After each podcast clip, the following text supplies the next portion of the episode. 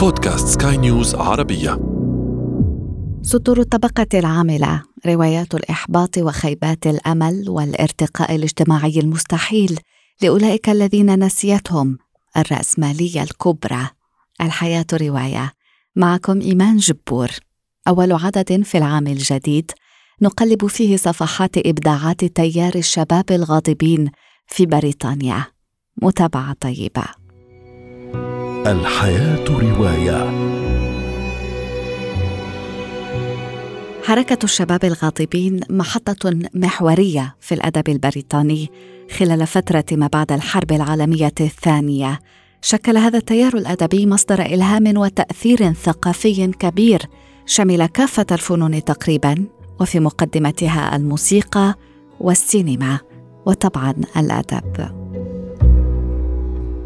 عن إحباط جيل ما بعد الحرب العالمية الثانية كتب جون أوزبورن مسرحية واقعية من ثلاثة فصول Look Back in Anger أو انظر إلى الوراء بغضب. عرضت لأول مرة في لندن عام 1956 ونشرت في العام الموالي. فتحت هذه المسرحية الباب لكتاب بريطانيين آخرين للسير في ركبها ضمن تيار الشباب الغاضبين. جيل ينتمي لنخبة جديدة تواجه نظاما اجتماعيا متحيزا للنخبة التقليدية. بطل مسرحية أوزبورن جيمي بورتر هو ابن عامل خوله التعليم الحكومي بلغ موقع هامشي على حدود الطبقة المتوسطة حيث يستطيع أن يرى أصحاب الامتيازات التقليديين يشغلون الوظائف المرموقة ويهددون طموحه في الارتقاء الاجتماعي. الوصف الذي التصق بأوزبورن باعتباره شابا غاضبا امتد حينها ليشمل جيلا كاملا من الكتاب البريطانيين الشباب الساخطين على الأوضاع في بلدهم المتعاطفين مع الطبقات الكادحة والمزدرين للبرجوازية والمؤسسات السياسية. Look, Joe, there's the top. That's where the money is. Lots of lovely houses up there, you know, Joe. I'll have one of those. I'm going to have the lot. no, you're not. Not in local government, you're not. Do you ever work it out, brother? In 20 years' time, you could be sitting in Horlick's chair, and that's as high as you can go. في نفس السنة 1957 كتب جون برين رواية Room at the Top أو غرفة على السطح وعلى الفور صنفه النقاد بدوره ضمن حركة الشباب الغاضبين على غرار كافة إبداعات هذا التيار الأدبية والفنية بطل رواية برين من خلفية متواضعة جو لامبتون ابن الطبقة الكادحة. يسعى للارتقاء الاجتماعي خلال فترة ما بعد الحرب. جو ذكي وطموح ووسيم ويعرف كيف يوظف ذلك لإغواء نساء البرجوازية. لعل أكثر ما يضفي الإثارة على الرواية هي التركيبة النفسية لبطلها المستعد لفعل أي شيء لتحقيق طموحه لكن الشعور بالذنب يطارده باستمرار. صراعه الداخلي يشكل قلب الرواية وهو ما يضفي عليه طابعا انسانيا. في عام 1959 نالت رواية روم at the top تاثيرا أوسع بعد تحويلها إلى فيلم ناجح يحمل نفس الاسم. You know the trouble with you? You don't know the difference between right and wrong. I don't think you ever will. Maybe I won't, but I don't want anybody to teach me either. الرواية التالية أيقونية كذلك في النصوص التأسيسية لتيار الشباب الغاضبين وفي الأدب الإنجليزي عموما لأنها أيضا تمنح مكانة فريدة لشباب الطبقات العاملة المقصيين من أدب ذلك الوقت Saturday Night and Sunday Morning ليلة السبت وصباح الأحد لآلان سيليتو صدرت عام 1958 يحكي فيها يوميات شاب إنجليزي في مدينة نوتنغهام عامل في مصنع للدراجات. ينتظر في كل أسبوع مساء السبت ليرفه عن نفسه من أيام العمل المرهقة والمملة. آرثر سيتون متمرد حقيقي يحب الحرية المطلقة يعاني من حساسية تجاه أي نوع من مظاهر السلطة. سواء كانت عسكرية أم سياسية أم اقتصادية أو حتى نقابية. نعرف عنه أكثر من خلال تأملاته خلال صيد السمك أيام الأحد. عدميته الأنانية لا تتوافق مع الحد الأدنى من التنظيم الضروري للحياة في المجتمع. نقرأ في الرواية عندما تكون متمردا تظل دائما كذلك. ليس بوسعك فعل شيء حيال ذلك وليس بوسعك إنكار الأمر.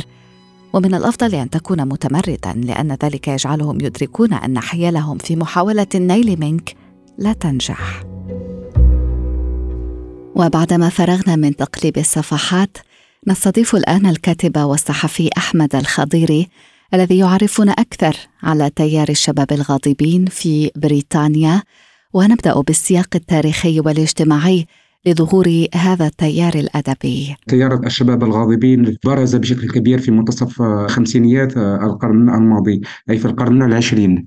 تميز هذا التيار بكونه ردة فعل على السياقات التاريخية والاجتماعية التي طبعت بريطانيا في أعقاب الحرب العالمية الثانية نعرف جميعا أن المجتمع رز بشكل كبير بعد الحرب وحدثت تحولات سواء على مستوى آه، أنماط الإنتاج أو العلاقات الاجتماعية. خرجت بريطانيا من مرحلة آه، ندرة وتقشف وانهيار آه، جزئي ومؤقت للاقتصاد بسبب اقتصاد الحرب ومواكبه من تناس نوعا ما للطبقة الاجتماعية. إلى نوع من المجتمع الاستهلاكي. كانت إرهاصات المجتمع الاستهلاكي ورافقها نوع من ضمور آه، الإمبراطورية البريطانية التي كانت قبل الحرب العالمية الأولى مهيمنة في العالم بينما ظهرت آه، يعني حركات استقلال وبالخصوص بالخصوص أزمة قناة سويس التي أظهرت ضعف الدولة البريطانية. لكن بالموازاة مع ذلك بالموازاة مع هذا الضمور للدولة كانت هناك حركة قوية للتعليم بدأت مع قانون جاء عشية الحرب في 1944 ساهم يعني في تعليم طبقات اجتماعية لم تكن تدرس مثل الطبقات البرجوازية التي كانت مهيمنة على على الأدب والآداب بشكل عام في بريطانيا. هذا أحدث نوعا ما تحولا في الطبقة الاجتماعية التي تكتب عبورا من طبقة برجوازية محافظة آه، تلتزم بالمعايير الإليزابيثية آه، الطهرانية كما كانت تسمى في في القرن التاسع عشر وكانت مستمرة إلى حدود تلك الفترة. ظهر آه، جيل من الشباب هم في الأصل أبناء الطبقة المتوسطة أو الطبقة المتوسطة الدنيا هذا كان بالنسبة إليهم شكلا من إشكال الاحتجاج التيار الذي أنتج أو الذي ولد ولد انطلاقا من ثقافة الاحتجاج. على ثقافة الاحتجاج على المعايير الاجتماعية على ما اسموه النفاق الاجتماعي. كان سياقا دوليا يرتبط باحتجاجات الشباب برغبتهم في التغيير برغبتهم في تفكيك السائد وبناء تجارب جديدة تعتمد اشكالا أقل تنميقا للغة وأكثر ترسخا إذا صح التعبير في المجتمع. وكان الغضب الغضب مصطلحا استعملته الصحافة أساسا في التعريف بهم. آه، لم يكن هؤلاء الشباب يتوحدون في حركة أو في تيار له أسس إيديولوجية أو معرفية أو فكرية أو أدبية بل كانوا متفرقين في الأمكنة وبعضهم لم يكن يعرف البعض الآخر. ليسوا كالحركة مثلا الددائية أو السوريالية أو الرواية الجديدة فيما بعد في الستينيات بل جاء التيار كجواب متشابه لعدة كتاب سواء مسرحيين أو روائيين عن واقعهم. يجب أن نشير فقط إلى أنه ولد من تعريف صحفي ولم يدم طويلا لم يكن بالنسبة إلى الفاعلين فيه تيارا حقيقيا يجمع بينهم ولم يكن هناك تضامن كبير بين هؤلاء الكتاب حتى إن بعضهم كان يخالف البعض الآخر وينتقده علنا وسرا. لكن أبرز هذا التيار حياة الطبقة المتوسطة والعمالية. تحدث أيضا عن المدن الصغيرة أو عما يسمى بالمقاطعات آه، وهي المدن الهامشية خارج العاصمة لندن. آه، ما أسهم بشكل كبير في التعريف بحياة أخرى أقل كما قلت أقل طهرانية. صحيح أن جون أوزبورن كان الغاضب الأكبر في إحالة على كونه رائد هذا التيار لكن كتابا آخرين برزوا بدورهم وساهموا في هذه الثورة الثقافية والإجتماعية. المسرحي جون أوسبورن وهو الذي يعتبر ربما مؤسس هذا الحراك.